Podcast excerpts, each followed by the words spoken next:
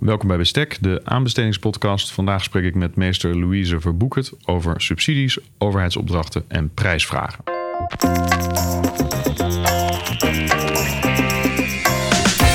Welkom bij Bestek, de podcast voor de aanbestedingswereld.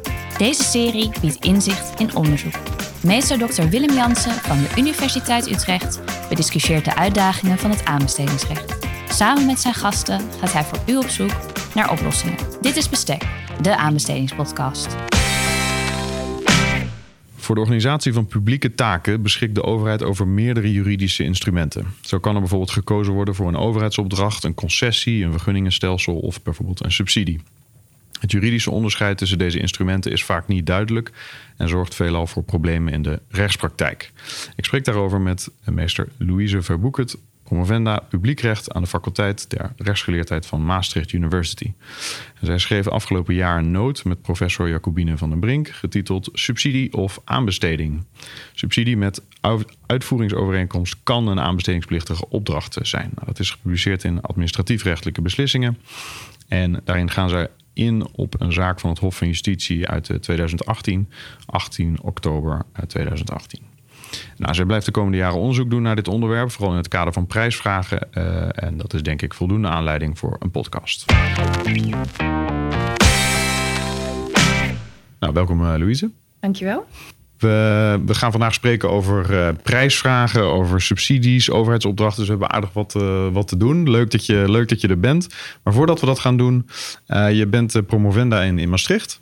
En je doet onderzoek naar prijsvragen. En op jouw profielpagina staat en ik, uh, ik, citeer: Haar onderzoeksinteresses gaan uit naar het algemeen en financieel bestuursrecht, het aanbestedingsrecht, het subsidierecht, het staatssteunrecht en het vergelijkend bestuursrecht. Nou, het zijn aardig wat, wat rechtsgebieden. Zeker.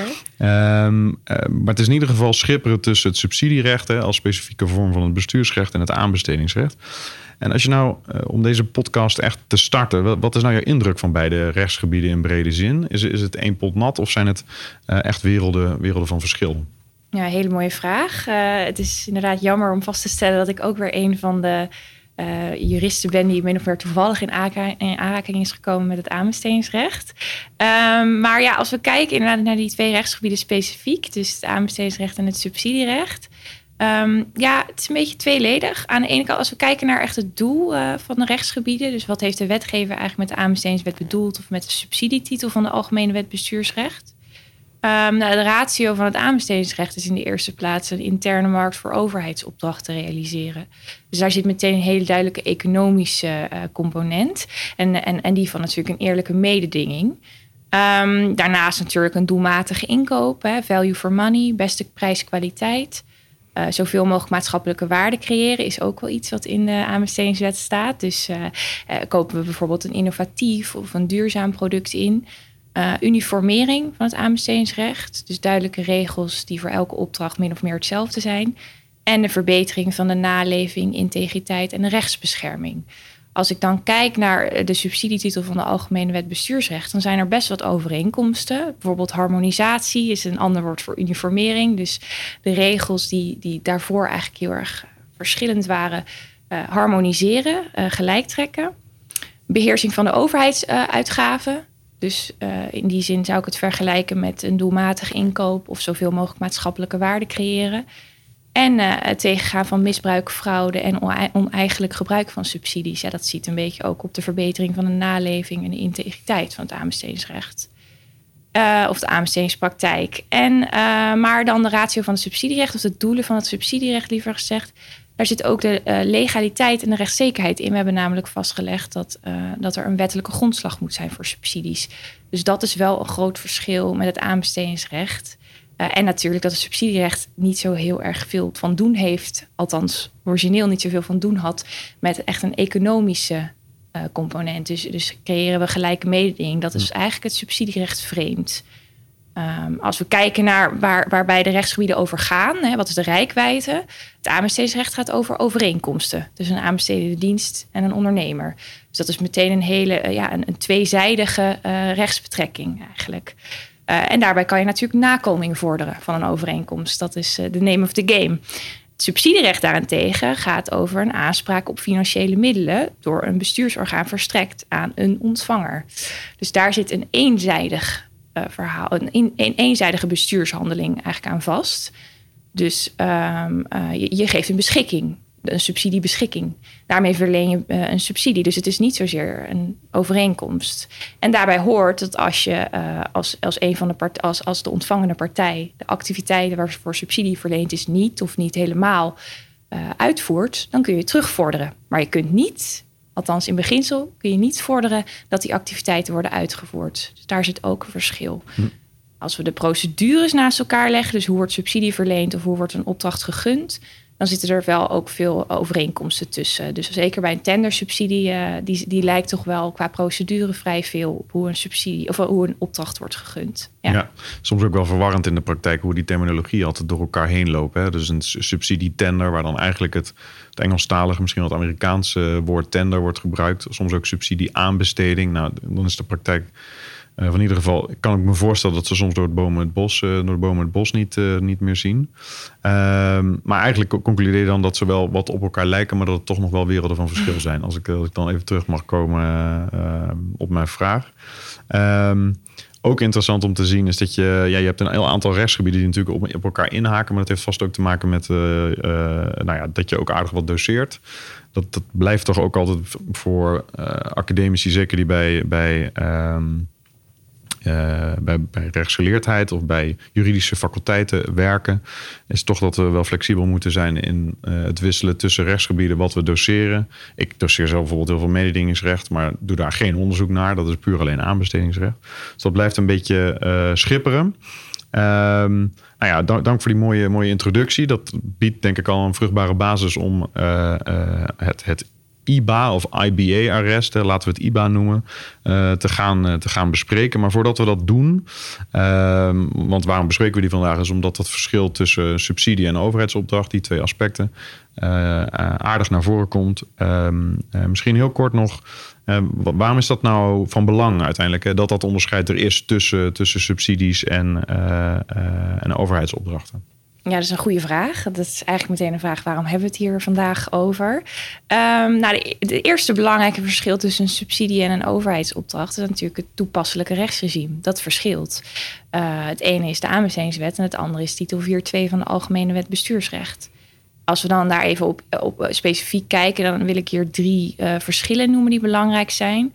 De eerste heb ik al kort aangestipt. Een subsidie eh, vereist in beginsel een verplichte wettelijke een grondslag. Ja.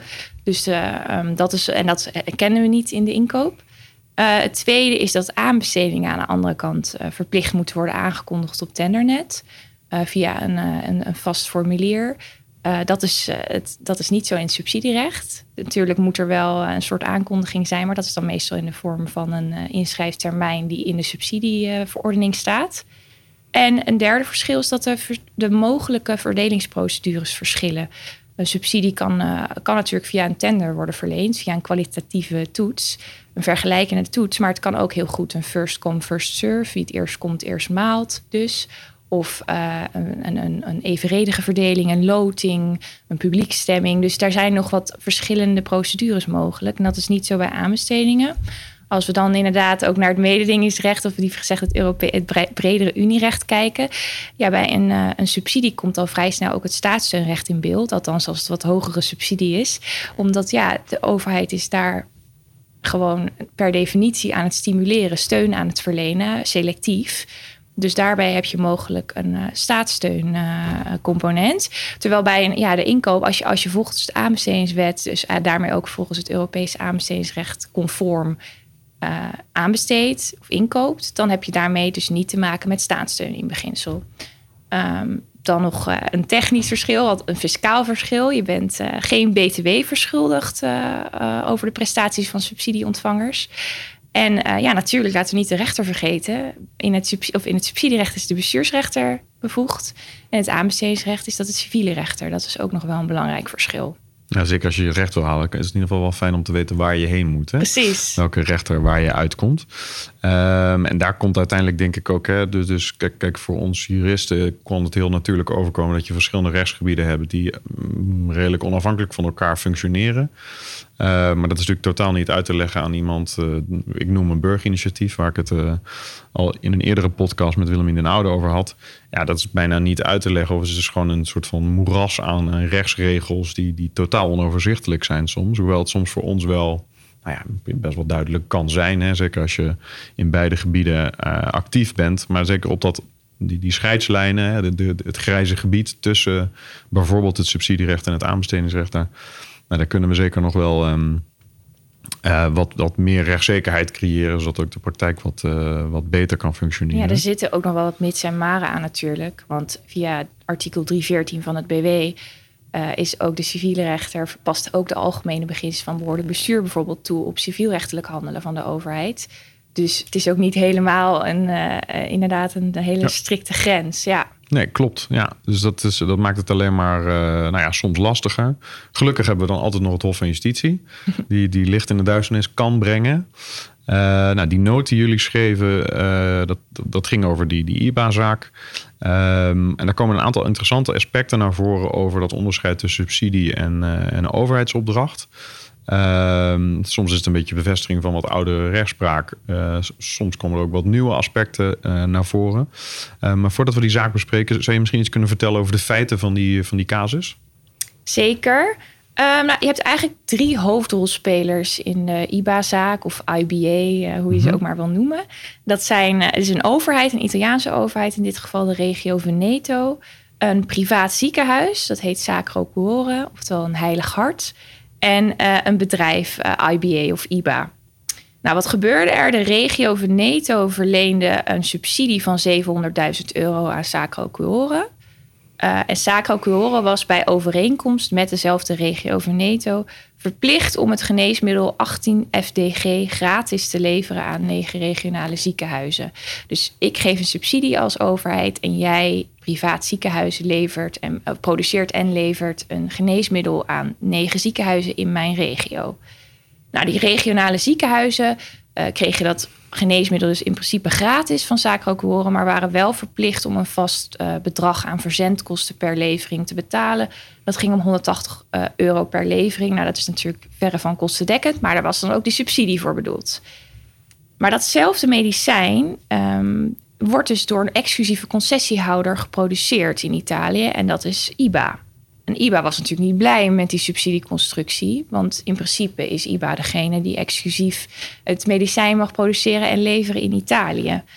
Uh, daarom kwam IBA hier tegenop bij de Italiaanse bestuursrechter.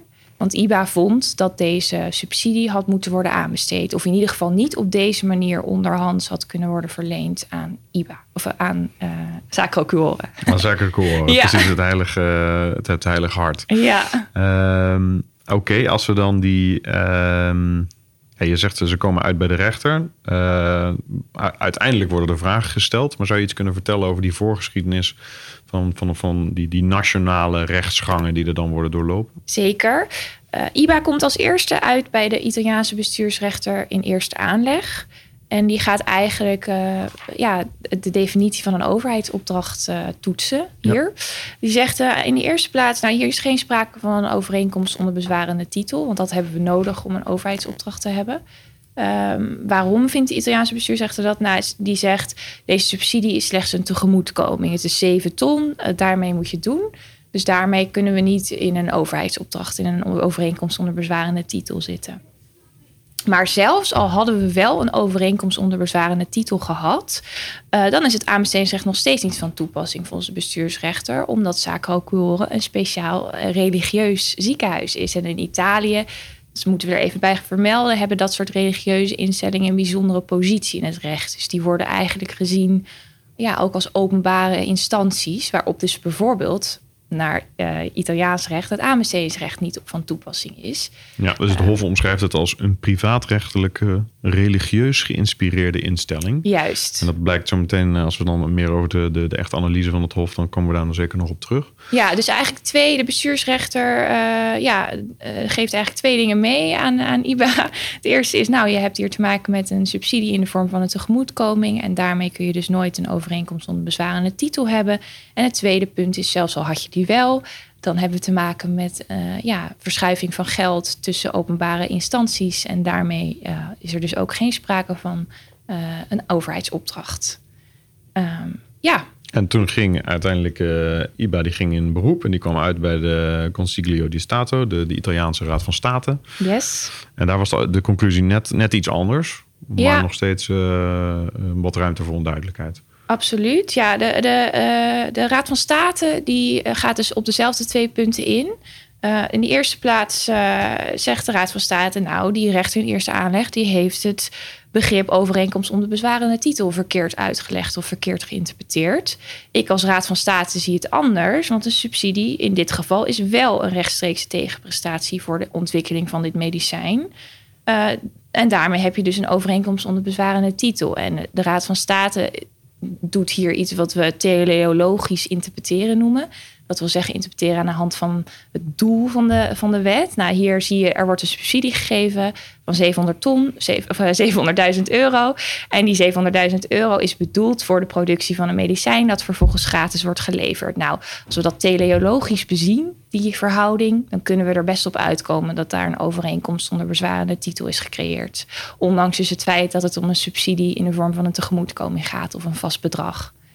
Nou, het tweede punt waar de Italiaanse Raad van State iets over zegt, is dus dat eh, dat, dat element dat Sacro Cuore als, als privaat, religieus geïnspireerd ziekenhuis een speciale positie heeft. Nou, daar eh, is de Raad van State die zegt in, aan de ene kant wel van nou, we hebben hier inderdaad geen publiekrechtelijke instelling, hè, wat ook een aanbestedende dienst is. Ehm, eh, maar aan de andere kant ehm, vind ik toch dat Sacro Cuore eh, volledig moet worden gelijkgesteld met een aanbestedende dienst. Dat is wel een beetje apart. En eh, daarom verrast het ook niet dat de Raad van State toch wel twee prediciële vragen stel- stelt aan eh, het Hof van Justitie. En dus één vraag over het rechtskarakter van deze subsidie met overeenkomst. En de tweede vraag gaat over het rechtskarakter van Sacro als, eh, als religieus geïnspireerd, maar toch privaat ziekenhuis. Ja, twee, eh, nou ja, twee vragen waarvoor je misschien zou kunnen zeggen... was dit eigenlijk niet, eh, niet al duidelijk van tevoren? Maar zo zie je toch dat... ehm, nou ja, zeker in lidstaten waar er aardig wat wordt, wordt ge- gereguleerd... eh, zeker ten aanzien van de uitvoering van subsidies en overheidsopdrachten. Nou, eh, ik denk dat Italië niet voor niets hofleverancier is. Dat heeft niet zozeer te maken met het feit dat er in Italië, eh, nou ja, weet ik, dat, dat rechters sneller vragen stellen, wellicht ook wel. Maar vooral ook omdat er gewoon veel meer wetgeving is, die mogelijk in conflict kan komen met de aanbestedingsrichtlijnen. Ja, de Italiaanse raad, rechters geven ook aan, de Italiaanse Raad van State in dit geval, in dit geval zeggen ze ja. U heeft zich als Hof nog niet uitgelaten over de zeer specifieke situatie. Dus eigenlijk geeft het Hof ook al, of de Raad van State geeft al aan van ja, het is allemaal wel heel bijzonder hier. Ik weet wel dat er andere regels zijn in het algemeen, maar kunnen we hier niet nog een uitzondering maken? Ja. precies. Een beetje de nationale context. En ook zeker in lidstaten waar bijvoorbeeld zorg, zoals hier, ehm, toch nog veel wordt gedaan door vrijwilligersorganisaties. We hebben dat ook wel in eerdere zaken gezien. Ehm, waar dat de, de vervaging van publiek en privaat, is dit nou een, eh, een privaat ziekenhuis of een publiek ziekenhuis? Dat kan op het nationaal niveau heel duidelijk zijn. Hè. Hier er wordt gewoon duidelijk gezegd: het is een private club. Dus moet daar ook een uitzondering voor zijn. Wellicht dat het Europees recht dan wat anders, eh, anders naar kijkt. Wat wel interessant is, is dat je in aanvulling op de noot die jullie schreven, nog wat, wat aanvullende informatie hebt eh, verkregen over die specifieke Italiaanse context. Kun je daar nog iets over toelichten? Zeker. Eh, ja, ik heb het geluk bij Maastricht University werken natuurlijk veel eh, ja, collega's, wetenschappers van uit allerlei landen.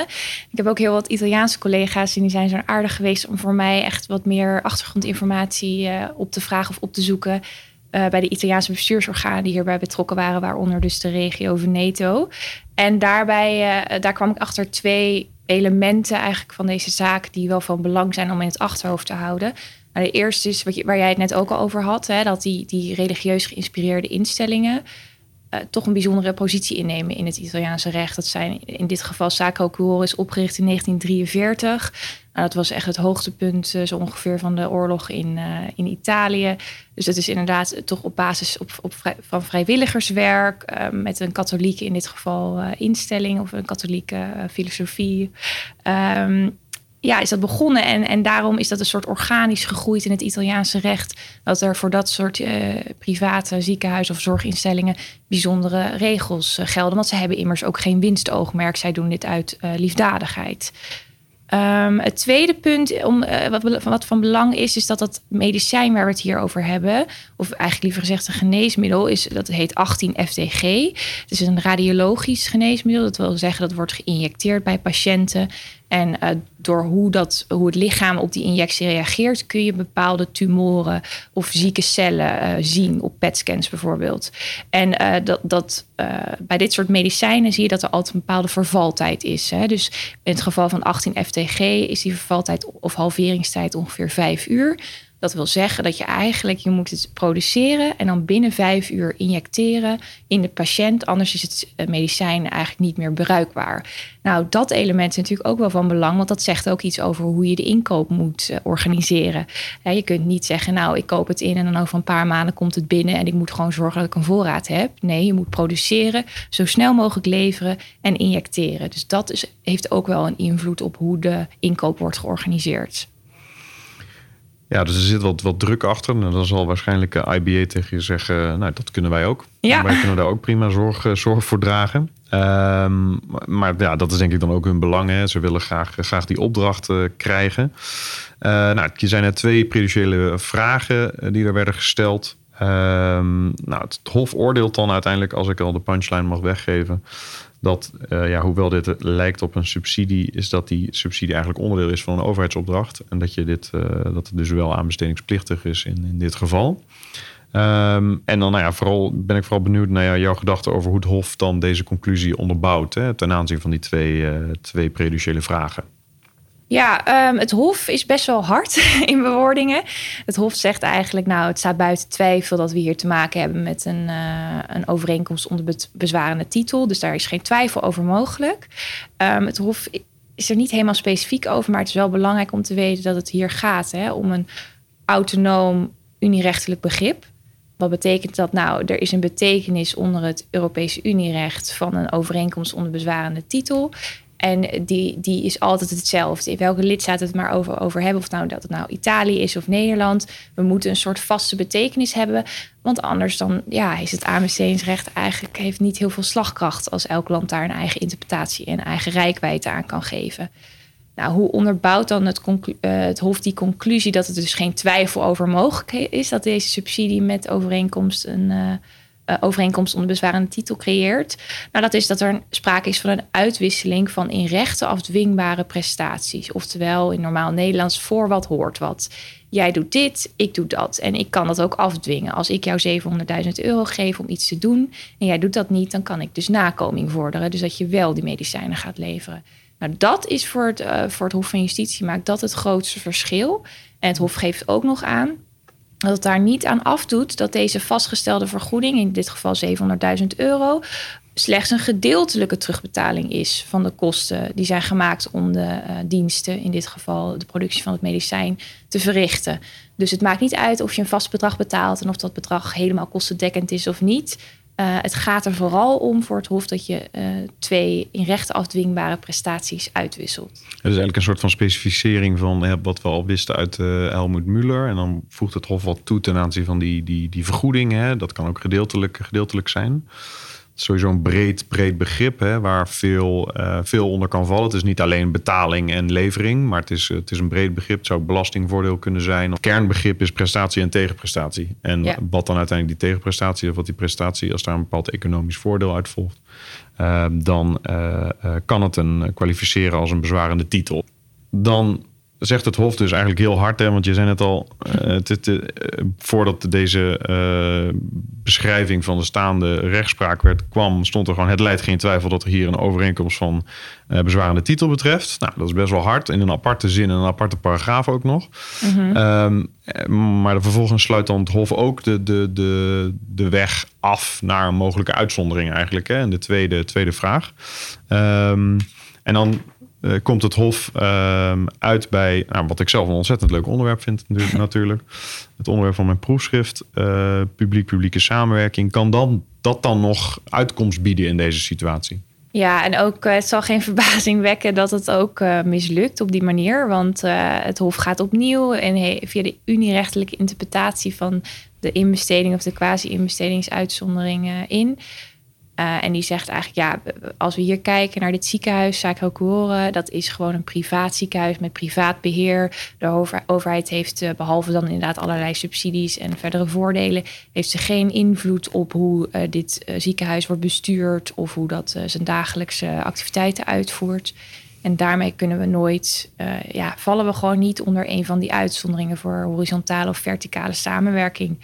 Uh, dus dat ook die route uh, ja, afgesneden, of hoe je het ook maar wil noemen. Maar het lukt in ieder geval niet uh, Italië om te zeggen, nou, dan doen we het over die boeg voor religieuze ziekenhuizen of speciale ziekenhuizen.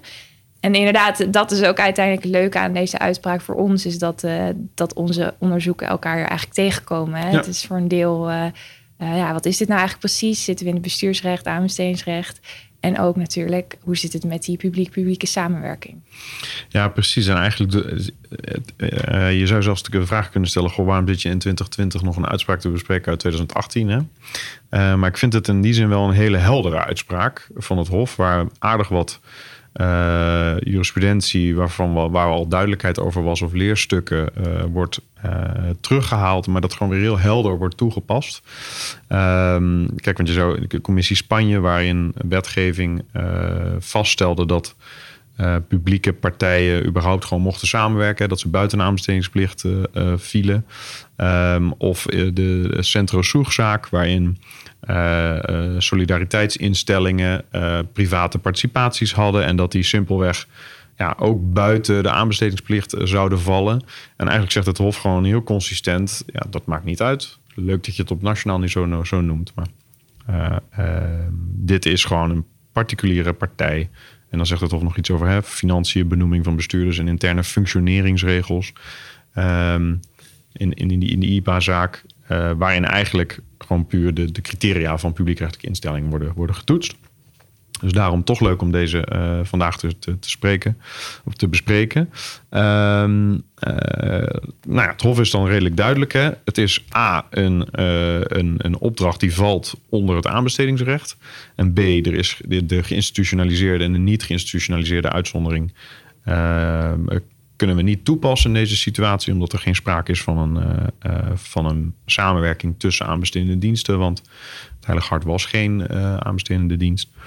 Um, dat is de vervolgvraag, en dat maakt het soms wat smeuiger. Krijgt IBA dan daadwerkelijk de opdracht? En daar wist jij wat meer, meer over te vertellen. Ja, inderdaad. Want ja, het, Hof van Justitie geeft dus duidelijk IBA gelijk. Dit, is, dit valt wel gewoon onder het aanbestedingsrecht, deze subsidie. Dit had zo niet onderhands kunnen worden verleend. Althans niet aan sacro Uh, maar ja, de realiteit is dat IBA nog steeds uh, vooralsnog met lege handen staat. Althans, ze is natuurlijk nog steeds concessiehouder. Maar uh, in dit geval heeft de regio Veneto een vervolgbesluit genomen... aan de hand, na, naar aanleiding van deze uitspraak, dit arrest van het Hof, maar ook natuurlijk de vervolguits, de einduitspraak van de Raad van State, waarin ze eigenlijk gewoon de, uh, de redenering van het Hof van Justitie overneemt natuurlijk.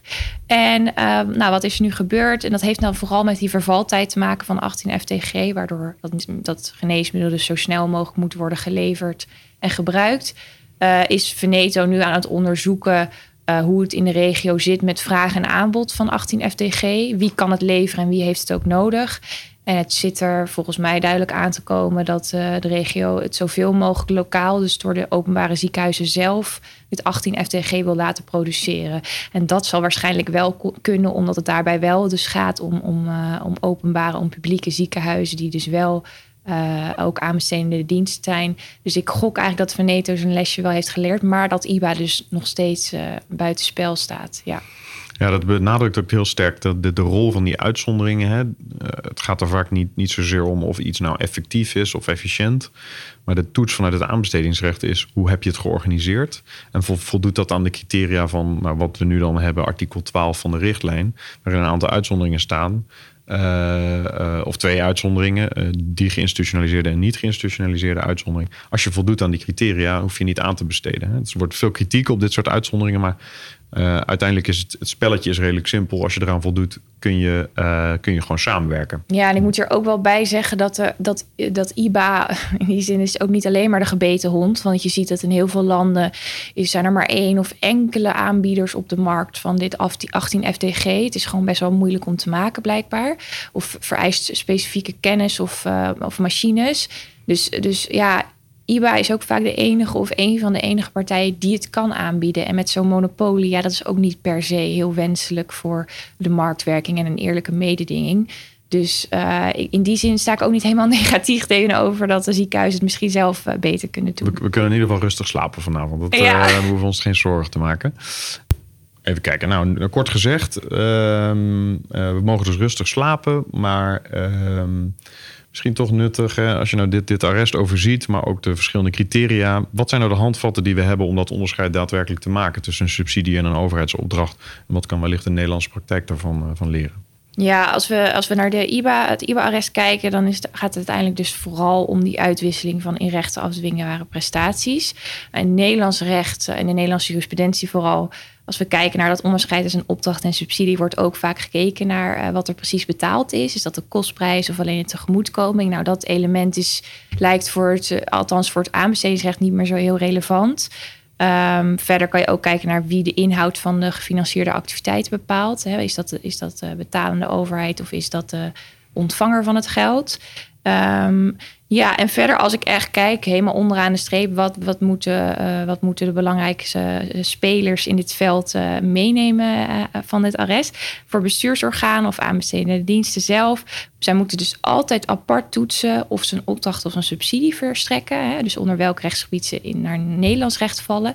Maar ook of ze een overheidsopdracht of niet verlenen of gunnen. Want dat zijn twee aparte toetsen die zich niet per se aan dezelfde criteria houden. Dus dat is wel belangrijk om mee te nemen. Nou, voor ontvangers van subsidies, waarbij ook een uitvoeringsovereenkomst wordt gebruikt, dus waarbij er ook een, uh, een uh, bezwarende titel is gecreëerd, is zo'n rechtstreeks verlenen subsidie dus geen rustig bezit. Je kunt er niet van uitgaan dat je die uh, altijd zou houden. Een heel recent voorbeeld is dat de afdeling in, de, in zaken Amber Alert, mm -hmm. dat een burgerinitiatief toevallig, dat ook werd gefinancierd met een overeenkomst die, die overeenkomst zal worden aanbesteed. Dus Amber Alert lijkt binnenkort die financiering kwijt te raken, althans op deze manier. En dan tenslotte voor concurrenten van subsidieontvangers of voor concurrent van ontvangers van overheidsfinanciering lijkt er nu dus meer ruimte om, aan, om de aanbesteding van als subsidie vermomde overheidsopdrachten af te dwingen. Dus voor alle spelers interessante aspecten, ja, die, aspecten, die, naar voren komen in deze, in deze zaak. Uh, mooi overzicht. Um, een stukje over de toekomst. We gaan een beetje richting, richting de afsluiting, maar vooral, uh, ik, wil het niet, uh, ja, niet deze podcastaflevering beëindigen zonder jou nog de ruimte te geven om wat te vertellen over jouw promotieonderzoek. Waar we de komende jaren vast veel meer van over gaan horen. je richt je op prijsvragen. Hè? Precies een aspect wat ook op dat, in dat grijze gebied zit, of wat continu eigenlijk meerdere rechtsgebieden raakt, net als dat onderscheid tussen subsidie en overheidsopdracht. Uh, kun je daar iets over vertellen? Wat, uh, waar, waar, waar, ben je van plan of wat, wat is de insteek van je onderzoek? Ja, um, het onderzoek is eigenlijk al eerder begonnen, namelijk voor het schrijven van mijn masterscriptie. Mm -hmm. En ik stuitte in 2016 op een rapport van het Centraal Planbureau over kansrijk innovatiebeleid. En daarin geeft het CPB eigenlijk aan dat Nederland internationaal gezien heel weinig gebruik maakt van uh, prijsvragen om innovatie uh, om, om innovatieve oplossingen voor maatschappelijke uitdagingen te vinden. In Amerika en Duitsland en het Verenigd Koninkrijk gebeurt het al best veel. En dat heeft best ook grote innovaties uh, uh, geïnitieerd. Uh, en het CPB doet dus ook de aanbeveling aan de overheid om dat vaker te doen, om vaker prijsvragen te gebruiken.